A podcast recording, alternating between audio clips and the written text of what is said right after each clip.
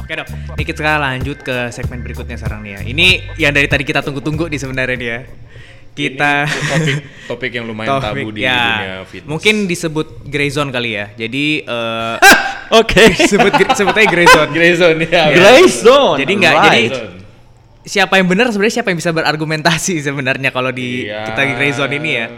Nah, kita Iya. sebut aja lah sekarang dia tuh ibaratnya gray zone-nya di fitness industri lah. Steroid, Dok. Right. Steroid. tentang eh, ya steroid di dunia Steroid, ah. ini kan tabu sekali. gitu. Mm-mm. Mungkin eh, topik pertamanya nih, dok, eh, mungkin dokter boleh jelasin dulu ya kayak historinya steroid ini bukan cuma ini historinya berarti bukan kita ngomongin ini dong dok ya di dipakai di kalangan olahraga tapi mungkin bener-bener awal mulanya nih si steroid kenapa sih steroid ini di develop dan buat apa sih Iya, dan tujuan buat apa? awalnya sebenarnya oke dok boleh dok Jadi gini ya, kadang-kadang itu ya obat-obatan atau terapi itu bisa dipakai secara off label. Ya, contoh paling gampang nih, Viagra. Viagra itu untuk mengobati angina. Ya, itu yang eh, di jantung, masalah di jantung Oh, penyumbatan di maksudnya, jantung. iya, penyumbatan, oke. Tapi dilihat, waduh, kok si itu jadi burung garuda nih, off labelnya. Berarti ini oke Ah, oke, nih. iya, iya, nah, iya, itu. Viagra. Finasteride yang Ah. tadi anti botak itu untuk mengobati apa? Benign pro- prostate hyperplasia, pembesaran prostat. Ah. Tapi pas orang di terapi untuk prostat membengkak, eh rambutnya tumbuh tuh. hmm. Malah itu lebat. namanya off label effect. Ya, off ya kan? Ini kan buk agak off ini. Fungsi awalnya bukan Ya, itu. bukan itu iya sebenarnya. iya iya ha. Viagra begitu, eh finasteride begitu. Ya. Ya. Nah, sekarang kita bahas steroid. Hmm. Pada kondisi tertentu, kita perlu ada anabolisme. Contoh, penderita kanker, malnutrisi parah, muscular dystrophy ataupun orang-orang yang menderita hipogonadisme, ya, kelainan hormon. Hmm. Ya, atau untuk orang-orang osteoporosis, ya, atau em, apa ya, sarkopenia, bias- kadang-kadang tua rentah ya, dia udah nggak kuat, biasanya disuntik. Hmm, hmm. Nah, pas disuntik dilihat, wah, ini kok eh, badannya makin bulky ya. Kalau orang sakit bisa digituin, orang sehat kalau gue suntik gimana tuh? Hmm. Mungkin lebih Ternyata maksimal, muncullah, wah, kasak kusuk kasak kusuk, udahlah. Inilah sejarahnya steroid itu jadi performance and aesthetic enhancing drugs. PI atau PID biasanya orang nyebutnya, dok, Orang ya? sebutnya apa biasa PID. Ah, ah. performance enhancing drugnya. Ah, ah, ah. Yes, dari dari situlah orang sudah mulai. Gitu. Berarti awal mulanya itu dari off label dulu sebenarnya dok off ya? label semuanya Ah, dari ah, ah. off label. Hmm, hmm, hmm, hmm. Ini yang pernah saya baca sih dok. Se- sebut sebut jenis boleh nggak sih? Sebut jenis. Ya, nah, jadi aja. eh, ini yang pernah saya baca eh, dan saya pernah dengar podcastnya juga. Ini dari Hmm. salah satu podcast dari luar dan dia juga ngundang seorang dokter juga. Eh, tapi sport juga sport dokter dan dia jelasin katanya awal mulanya tuh tahun berapa ya? 70 apa 80 itu? Kayaknya 70-an, 70-an ya. Mm-mm. Yang pertama kali yang di develop itu pertama kali Dianabol namanya dulu. Kalau nggak salah ya, yang saya saya baca sih. Iya. Tapi kadang-kadang gini kan, kan em, testosteron banyak jenisnya tuh, Mhm. ya kan. Mm-mm. Nah dia kadang-kadang untuk terapi ini dia lihat nih, wah ini efektif nih, boleh nih kita coba nih Oh, obat-obatannya gitu, ya, ya, sejenis ya, tuh, ya, zebret gitu Ah, kan. Entah dia rantai eh, pendek ya, kaprowat, enantat, ya, Hmm. valerat dan sebagainya dia Ya. tes tuh. Oh ternyata begini, kan orang pasti lakukan penelitian Ya. Iya. ya tetapi ya ujung-ujungnya kan em, pada saat kita membicarakan tentang kompetitif secara olahraga Yes. ya kan orang-orang yang memakai steroid ada unfair, unfair advantage Yap. bahasa Indonesianya apa ya Nggak unfair Eh, advantage unfair itu, itu tuh- keuntungan yang tak adil Nggak Gitu. adil, ya. lo nggak latihan tinggal suntik ya lu lo bisa ngalahin orang-orang yang latihannya setengah mati lu tinggal suntik lu bisa menang kan orang-orang itu kan nggak fair Ya, kalau biasa ya. sama-sama pakai ada orang bilang gini nih ya udah lu bego aman ya sama-sama pakai Iya betul betul. Nah, tapi masalahnya orang yang nggak latihan berat sama orang yang malas-malasan latihan itu eh, gapnya sedikit secara performance hmm. Oh, itu kan nggak segitunya ya? adil. Nggak adil bener. Oke oke oke oke. makanya terbentuk namanya wadah ini tuh WADA itu. Ah, WADA. Oke. ya World Anti Doping Agency ya kalau nggak salah ya.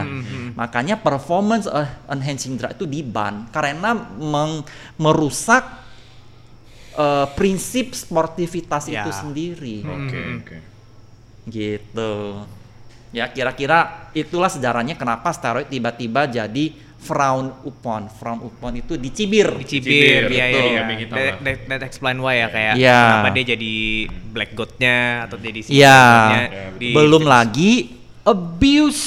Eh, banyak banget yang ya proses-proses abuse yang terjadi ya dan orang-orang yang tidak mengerti dengan benar Hmm. yang malah membahayakan kesehatannya. Betul. Oh, ini berarti dah kita ngomongin efek sekarang di dok ya. Mm-mm. Efek Kan positif dan negatif. tadi ya orang-orang kan pasti ngomongin steroid pasti pertama mereka mengincar si positifnya kan. Hmm. Mungkin yang dijanji-janjikan kayak oh nanti eh, bisa lebih, Lebih apa kuat lebih lah, kuat latihannya bisa lebih bagus, bisa ya. lebih cepet increase-nya. Biasanya sih orang-orang kan ngincer jalan tolnya lah gitu kan.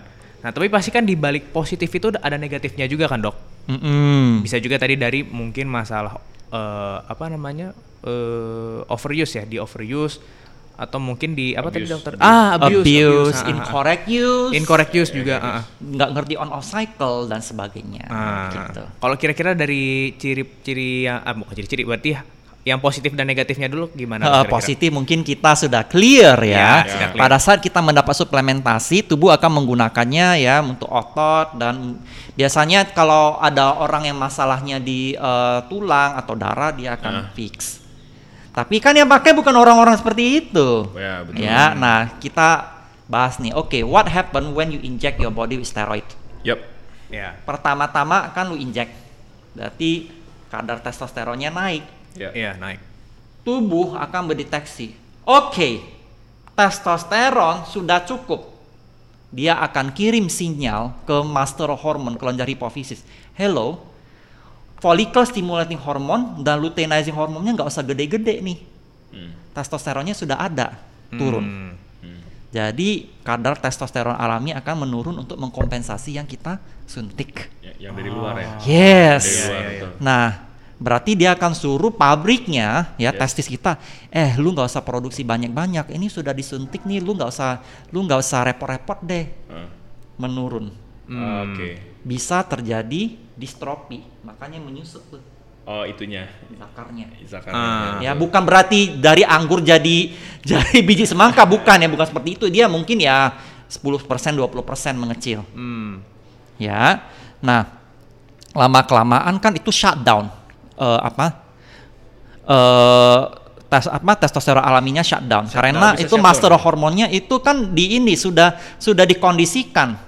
Udah lu stop aja karena kita ada sumber yang lain lu lu nggak usah kerja. Hmm. Ya lu nggak usah kerja keras deh. Kita ada kita ada uang gampang Ya. gitu. Iya, iya, iya, iya. Betul, betul. Nah, pada saat ini berlanjut terus-menerus untuk orang-orang yang tidak mengerti, Yap. here comes the problem. Hmm. Kadang-kadang kan suntik, suntik, suntik, suntik, ya kan? Belum lagi tubuhnya oke, ini kebanyakan nih, gue mesti ngapain lagi nih? Ya. Hmm. Dia konversi ke ke estradiol, jadilah ginekomastia. Ya kan ada hormon wanita kan Ah, dia iya, akan iya, men- iya. dia akan mendevelop organ-organ khusus kewanitaan. Oh, justru kayak Makanya gitu. muncul ginekomastia. Hmm, oke oke. Ya, belum lagi gangguan-gangguan yang lain. Ya, ada roid rage. Ya, Ah, testosteron itu alaminya membuat agresif, Agresif, secara betul, mood. agresif. Makanya terjadi mood swing. Mood swing. Yang berikutnya beruntusan. Ya. Tapi tergantung ya kulitnya ya. Hmm. Kadang-kadang dia overproduksi tapi dia tidak tersumbat, dia nggak nggak muncul beruntus. Paling ya kulitnya jadi agak berminyak aja. Iya. Tapi kan ada tipe kulit orang yang pori-porinya itu lebih kecil. Jadi pada saat terjadi overproduksi, beruntus dia. Hmm. Iya, iya, iya. Ya, pada punggung, Hmm. dada, muka. Ya. Hmm. Kalau nggak ada lagi, waduh ini kebanyakan gue mesti ngapain nih? Dikonversilah jadi DHT. Oke. Botak. Rambutnya menipis. Hmm. Ya. Nah, yang bahaya nih yang oral nih, oral testosteron yang kayak tadi dianabol itu. Hmm. Nah, pada saat kita konsumsi, Ya. dia kan harus diaktifasi. Nanti liver yang mengaktifasi. Ya, livernya Hmm. ya. Nah, dia akan membebani kerja liver. Makanya saya punya beberapa teman juga mengalami ini liver damage. Wow. Ginjalnya ya, sampai ya? masuk ICU. hati. Livernya damage, otomatis kan tidak bisa eh, memproses metabolisme terganggu. Ginjalnya juga ikut jebol. Ya. Hmm. Oh, liver tuh hati ya? Ya, liver Iya, hati. liver tuh hati. Ah. Ya, ya.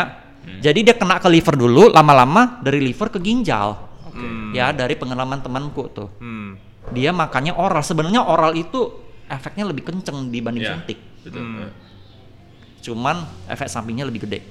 Efek sampingnya lebih gede. gitu. Iya, iya. Karena kan liver perlu memecah. Kalau darah kan tinggal sep, nggak Ya, usah diproses, sudah jadi sudah nih, jadi, iya. tinggal dipakai aja gitu. Hmm. Tinggal dia bisa bereaksi dengan sel tubuh. Kalau ini kan masih bentuknya pro hormon itu, harus diaktifasi oleh liver. si liver si, hat, si liver Si dulu hati. yang kerja keras dulu kan iya, itu kan. iya. Jadi walaupun mau pakai dalam dosis tanda kutip aman pun itu pun efek negatifnya bakalan besar. Ya ibarat ya kalau kita ibaratkan nih eh misalnya Hmm. yang tadinya ngangkat 10 kilo, kita diwajibkan ngangkat 25 kilo. Kalau tubuh kita masih sanggup, Hmm. ya nggak apa-apa. Tapi Ya. kan beban tubuh semakin berat. Kalau kita ada misalnya nih ada keperluan lain kan Hmm.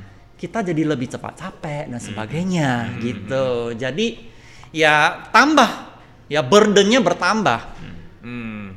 pada saat tubuh diserang penyakit, Hmm. kan ini sebagian alokasi resource nutrisi kan sudah kemakan buat kemakan yang- sama hati tuh. ya, Hatinya hati. kan lebih cepat rus karena eh, dia apa? Memproses testosteron kan dia perlu banyak resource itu untuk regenerasi. Iya. Betul. Nah, kalau ada penyakit kan berkurang. Ya, betul. Kan ada pengeluaran tambahan. Hmm. Nah, itu logiknya seperti itu. So, do you want to choose this path? Kecuali nih ada orang akalinya Hmm. memakai suplemen em, suplemen untuk liver kayak milk thistle sama Mick Thistle bener, dandelion. ya, ya, ya, ya. Dandelion. Dandelion. Ya, orang pakainya itu. Hmm. Hmm. Iya, iya, makanya Atau dia ursic acid, tapi ursic acid mah untuk gagal liver ya, mungkin enggak. Mungkin milk thistle. Hmm. Ya. Nah, berarti tadi eh dokter atau silibinin silimarin ya itu eh, zat aktif untuk Ah. stimulasi eh, liver ya Nah, tadi kan kalau kita kan eh, saya sama Sam ini kan udah biasa tuh misalnya kayak ngomongin latihan aja kan dia ada program kita nyambung ke period session lah ada macam-macam. Nah, ternyata buat si steroid ini pun juga ada si Siklus. oh iya Nggak bisa pakai Oh, harus. boleh gitu. Jangan coba-coba ya kenapa harus ada siklus pada saat satu titik tubuh shutdown Yap. ya kita harus mengembalikan kembali Hmm. ya pada saat mengembalikan itu namanya off cycle Hmm. ya makanya orang-orang biasanya contoh itu dia pakainya aromatase inhibitor ya kayak arimidex novadex, Novadex, ya. clomid Ah, ya hmm. itu eh, aromatase inhibitor ya ini untuk merangsang testosteron alami ya untuk follicle stimulating hormone sama luteinizing hormone menjadi masternya kadang-kadang orang pakainya itu em, HCG ya human choreogenic gonadotropin HCG, oke. ya untuk nge- nge- lebih cepat mengembalikan testosteron alaminya. Oh, iya Oke, iya. oke. Jadi Ya. dari tiga itu terus ada lagi yang si HCG ini ya. Yes, Itu pas ada beberapa ya. yang pakai ya, tapi yang lebih umum orang pakainya yang eh, Arimidex. Arimidex. Ya, Arimidex, Novadex atau Novadex Clomid. Clomid, ya. Hmm. Nah, kalau buat itu kan eh, tadi kan dibahas tentang eh, substansinya yang akan membuat gimana supaya kembali lagi supaya normal. Nah, ada ada nggak sih kayak misalkan rentang biasa orang tuh pakai on cycle tuh kapan, off cycle tuh kapan gitu dok? Biasanya kan on cycle itu untuk kompetisi Ya, atau saat-saat di mana dia harus memamerkan bodinya Nah, ya eh untuk estetika misalnya nih gue mau ke pantai lah misalnya nih gue liburan nih Iya, eh, gue iya. kasih tahu nih ini yang casual use Iya. gue mau ke pantai Iya. gue mau jadi pusat perhatian Ah. oke gue gue liburan Oktober Ah. berarti gue udah mulai program nih eh dari Agustus, Agustus nih mungkin ya. gue udah mulai nih nah gue harapin pas eh, gue eh, Oktober Iya. ya itu sudah peak itu Ya, jadi gue tinggal masuk ke off cycle hmm, oke. Heeh, jadi biasanya orang-orang ngerti tuh udah atur tuh Mhm. jaraknya tuh oke ini peaknya segini nih ya berarti pas em, gua mau, mau masuk off cycle itu seminggu setelah kompetisi atau seminggu setelah gue jalan-jalan atau whatever that is Ya. Ya, tergantung eh, respons tubuhnya. Jadi orang bisa nga- ngatur dulu nih. Hmm, tiga plan bulan lah lah ya. di- Yes. Biasanya tiga bulan lah, tiga bulan sebelum lah biasanya. Nah, orang plan dulu. Nah, Itu tuh. Iya, iya, iya. Ya. Ah. Jadi harus tahu tempo nih, harus tahu tempo kayak, nih. kayak setahun Ya. mungkin tiga kali gitu mungkin. Nah, ya, Bukan ya. setahun 12 bulan. Matilah itu tubuhnya. Wah, istilahnya itu ya yang lifetime ya, lifetime, lifetime user mungkin ya. ya, itu udah jadi HRT. HRT itu hor hormone replacement therapy. Tahu nggak? Sekarang Oh, ada iya, iya, pernah ada yang dengar. bentuknya gel. Hmm. Kita tinggal usapin di bahu sama punggung. Itu udah nyerap. Sekarang ada bentuk gel. Itu yang Androgel. Aduh, gue ngomong merek kenapa lagi. di- ini kan androgen reseptor bukan? Bukan. Oh bukan. Dia dia bikin produk eh, roid Dioles. dalam bentuk gel. Cuman oles, Oles? di di di daerah bahu sama dada dioles sama di punggung. Ini saya pernah dengar dok. Androgel, Google aja Ya. androgel. Androgel. Ini saya saya pernah dengar. Mungkin saya saya, saya punya klien eh, dia atlet BJJ dan gold medalist. Dia dia sempat cerita katanya waktu dia tanding di Vegas beberapa orang yang di sana dia bilang iya ada yang diusap gini gini. Ah, Itu androgel. Oh, oke, oke, oke, Iya.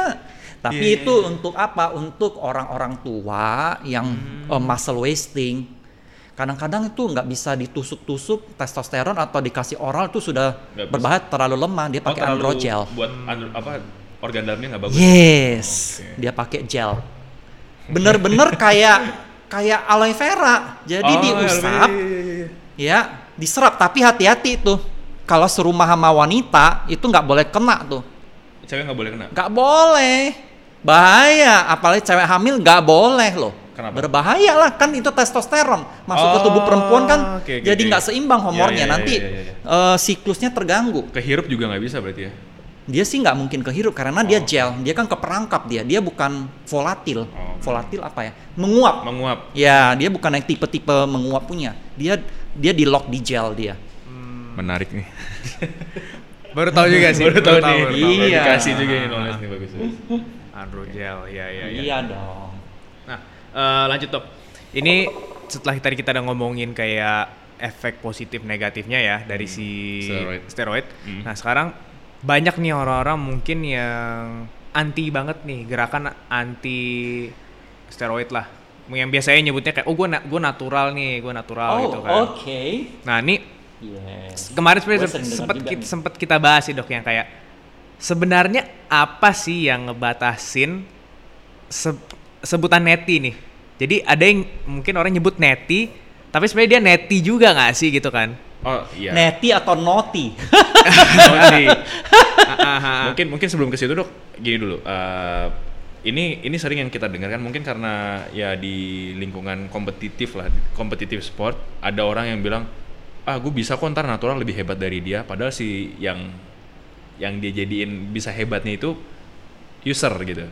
Itu ada kemungkinan nggak sih se- seseorang yang natural itu bisa melebihi dari si user tersebut? Yang tadi dok- dokter bilang ada apa? Ke apa? Nggak adil apa? Kalau misalkan Unfair, unfair, ya. advantage. Nah, unfair advantage itu menurut dokter bisa nggak dimaksimalkan gitu orang natural bisa mengalahkan se- seorang user gitu. Mungkin begini ya. eh, kita ambil analogi ya meskipun tidak 100% akurat. Contoh nih. Gue mau nih kecepatan lari gue kenceng Ya. sehingga bisa menyamai orang yang bersepeda. Bersepeda lagi lagi. Oke oke. Iya. Cycle. Ya, get got what I mean ya. Oke oke. Bisa. Ah, bisa. Ya bisa, cuman ya latihannya seperti apa, Iya, genetiknya seperti apa kan walahu alam, Iya, ya. bener-bener. Nah orang yang sudah dapat nih, lu bego amat, lu latihan lu mau obrak abrik, gue tinggal beli sepeda, gue goes aja, gue lebih kenceng dari lo. Iya benar benar benar benar. Kadang-kadang kan ada nih em, yang pikir seperti itu, Hmm. Tapi kan kayak Usain Bolt kan bisa lebih kenceng dari Iya. orang sepeda, yang sepeda Usain santai ya, bukan Iya. sepeda balap tuh nggak mungkin, nggak mungkin, impossible. nggak mungkin, nggak ya kaki kita bukan kaki ini ya, kaki bionik juga ya. Bukan bukan bukan. Nah, kalau kita ambil analogi yang sama ke dalam bodybuilding, oke, konsentrasi testosteron untuk orang-orang yang bodybuilding berapa? Katakan 1.500. Bisakah tubuh kamu memproduksi? Itu kan tergantung genetik juga. Genetik plays part. Genetik itu tidak bisa diganti lagi. Kan nggak bisa kita mutasi. Betul. Yang bisa kita lakukan adalah mungkin hidup sehat, kita supply zat-zat dan bisa menstimulasi eh, apa testosteron dan latihan. Hmm. But that's as far as your body can go. Tapi Yeah. ada orang yang bener-bener gifted, bener gifted. Secara genetik bagus. Bagus. Iya. Ah, Ah, bisa aja. Ah. Cuman kalau genetiknya nggak bagus, Ah. how? Ya paling ya ada ada batas atasnya lah gitu. Maksimal gitu ya. Eh, eh, cuman kan kalau berotot kan nggak perlu sampai apa sterek banget gitu kan enggak tuh. Iya, iya. Ya kan kadang tapi kadang-kadang memang ada orang yang bigoreksia. Bener nggak tuh istilah bigoreksia atau Ya. makrofilia? Bigorexia tuh berarti dia Selalu uh, merasa dia puas dia, kali. dia selalu ngelihat Nggak- kayak di nggak kaca puas. tuh kayak Selalu oh, kecil. gua Yes. gede, Gede, padahal sebenarnya. Yes, bigoreksia atau enggak yang makrofilia, orang yang demennya gede-gede gitu Ah, loh. Hmm. Ya kan? Sebenarnya ini eh, kalau kita ngomong non atlet ya, orang-orang awam ya, kita mau gede itu ya tergantung tujuannya buat apa sih gitu. Betul, betul. betul. Heeh. Why do you want to sacrifice so much Ya. untuk segede-gede banget ya? Dalam rentang normal katakanlah 600-an ya, kadar testosteron rata-rata orang normal 600-an itu bodinya sudah lean oke banget gitu Hmm. loh. Kayak bintang-bintang Korea yang Anda lihat di TV yang menjadi idola kaum hawa juga ya begitu. Oke, oke. Iya. Mhm. Ya, how big that you want? Oh ya. ya. How Eh, big do you want it to Tadi be? kan dibahas juga genetik nih, genetik play role. Ini nggak tahu ya, ini ini banyak orang kan yang bilang justru eh, ngomongin ras mungkin. African American itu dibilang oh dia pasti punya testo lebih lebih tinggi. Itu benar apa enggak sih kayak gitu? Benar. Oh, itu benar. But that is okay. That's right ya. Caucasian sama African American dia punya mass ya. eh, muscle mass itu lebih tinggi. Orang Asia fatnya lebih tinggi. Ah, oke. Ya, Oke, oke, oke. tapi ya kan kita kan ini gen, ada genetic diversity.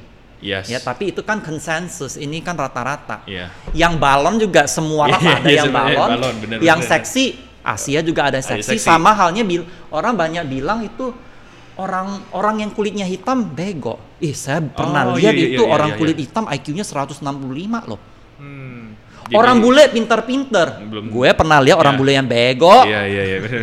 Ya, jadi kadang-kadang itu mau sama ratain juga susah. Susah. Ya, tapi memang Tapi ada memang- konsensus. Oh, konsensus. Oke. Ya, apalagi kalau Indonesia ini banyak mix. Kita kan berbagai macam ragam suku. Betul. Itu sangat mix kita.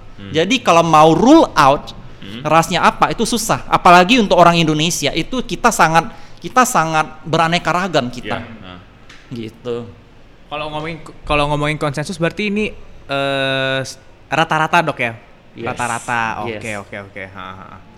Terus juga ada yang bilang katanya kalau kayak African American itu mereka lebih spesifik misalnya kayak ke pasti mereka lebih spesifik bagusnya tuh kayak di sport endurance gitu-gitu kan. Atletik lah, lebih ke atletik gitu. Terus katanya yang kulit putih itu lebih ke yang strength gitu Ya. kan. Hmm, I do not agree ya. Kadang memang genetik ini kompleks ya. Tapi kan kita lihat dulu eh, apa ya? Itu kan internal, faktor Ya, internal, iya, nah, eksternalnya eksternal ya. seperti apa nih? Oh, Oh, oke. Oke. Ya. Iya iya. ha.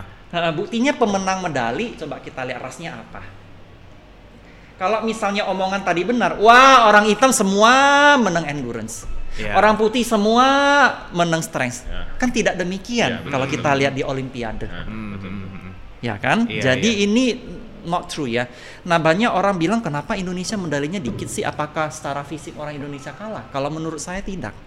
Ya, Oke. sport science itu kalau menurut saya masih belum begitu develop di Indonesia. Oh, itu salah satu permasalahan. Ya, benar, benar, itu ini benar mungkin banget, saya benar jujur Ah. karena saya pernah berkomunikasi dengan Koni ya. Banyak pelatih-pelatih kita itu mantan atlet, mantan Oke. atlet. atlet. Hmm. Tapi kan untuk mengerti fisiologi, untuk Ya. mengerti gizi, untuk mengerti teori otot itu orang-orang sport science. Sport science benar, sport science. science benar. Ya. Nah, Nah, oleh karena itulah kita lebih memerlukan orang-orang ini. Tapi Indonesia saya melihat itu yang dipakai itu mantan atlet, mantan gold medalis. Hmm. Contohnya pelatih tinju Mike Tyson, pelatih tinju Muhammad Ali, pelatih bodybuilder, apakah bodybuilder juga kalau kita lihat? Bukan. Bukan. Mereka orang-orang yang Iya, iya. mengerti ya. secara keilmuan tapi tidak mengimplementasi makanya bodinya biasa-biasa loh bodinya biasa-biasa kok bisa latih bodybuilder sih lo sendiri juga lebih kecil Ini bisa jadi topik podcast selanjutnya. Ini Oh menarik. iya, ini menarik, ini menarik banget, ini menarik banget ini. Ini menarik banget ini.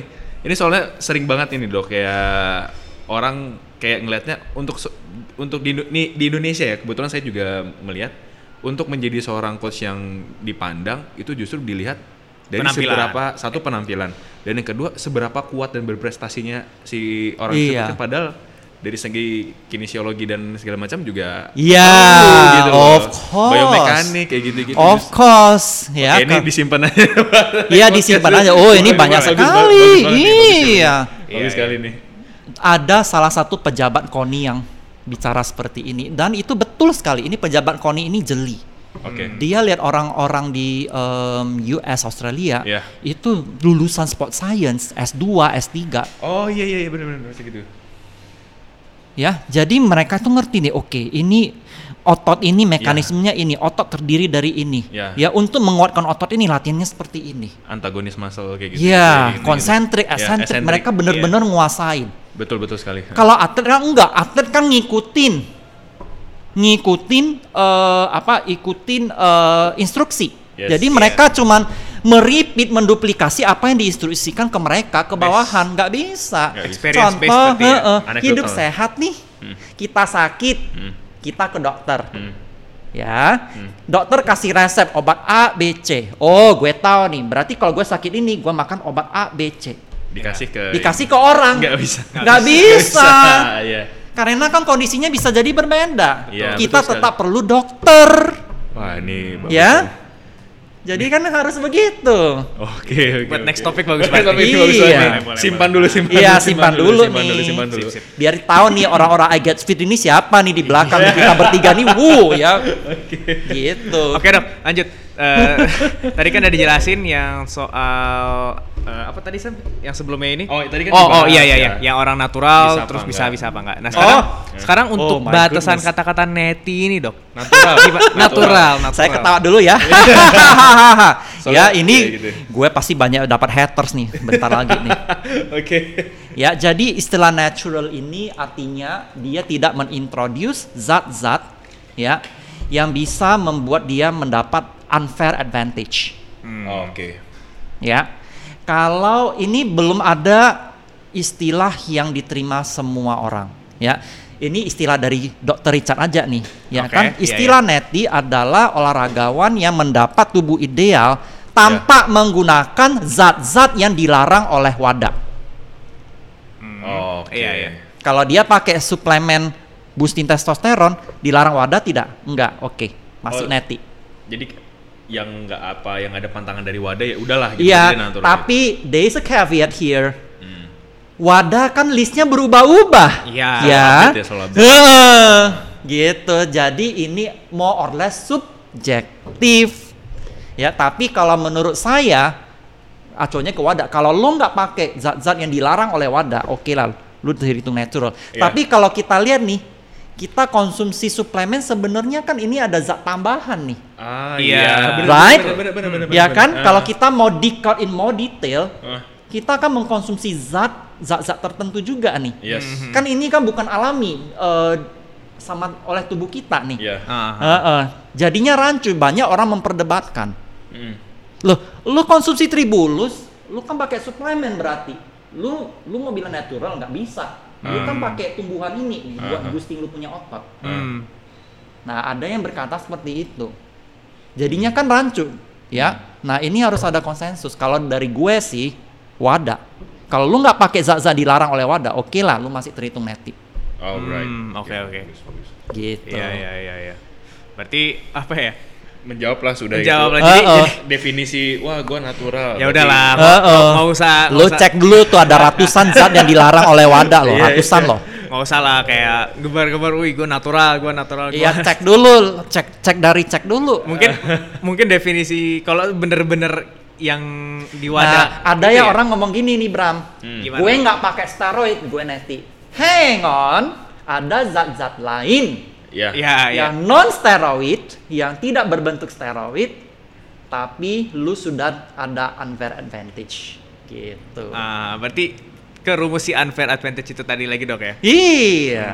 Eh, pernah denger ini nggak dok apa eh, suplemen namanya Jack 3D dia sempat Jack 3D kan merek ya. Zat dalamnya apa itu? eh, di, di metil apa gitu pokoknya katanya itu kayak substance yang ya tadi di unfair advantage itu kayak Nah, Nah, kadang-kadang ini nih mau zat apa nih saya kasih tahu nih. ah, Hmm.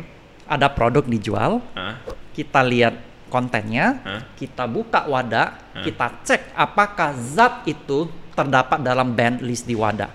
Hmm. Kalau ada, I'm sorry my dear, you are not netty. itu pernah di emang di band sih waktu itu sempat di band ya. berarti ber- kalau udah masuk dalam daftar hitam wadah, wah berarti udah nggak bisa mau neti juga nggak bisa. Tapi ada neti yang lebih relax, lebih lenient, non steroid user. Gua nggak injeksi steroid, gue neti. Hmm. Gue nggak setuju. Hmm. Ada zat-zat lain yang non steroid yang bisa membuat unfair advantage juga. Iya, iya. Menarik sekali. Menarik, menarik, menarik. menarik ini I think that's udah, all ya. udah semua Udah semua kita lah ya. ngobrol satu setengah jam Satu setengah jam. Kayaknya dua deh. Ham- hampir ya Hampir, hampir. Hampir ya, wah. Iya. Ya topiknya sih seru banget. nih. Sorry banget. Ini kita boleh nih buka podcast yang kedua nih. Oke, Podcast dua ada dua bakalan mungkin ada mungkin topik lagi yang- kayaknya. Iya ya, ada ada tadi tadi salah satunya apa yang mau kita Topik yang bahas? tadi apa? Oh, Clean yang bulk. surplus, Clean bulk. surplus tapi clean bulk ya, Ya. Oh, clean bulking. clean bulking Iya. sama yang satu lagi Kalau mau ngomong clean bulking, gue sendiri harus I need to practice what I preach. Gue tau teorinya, tapi gue males clean bulking. itu yang gawat tuh.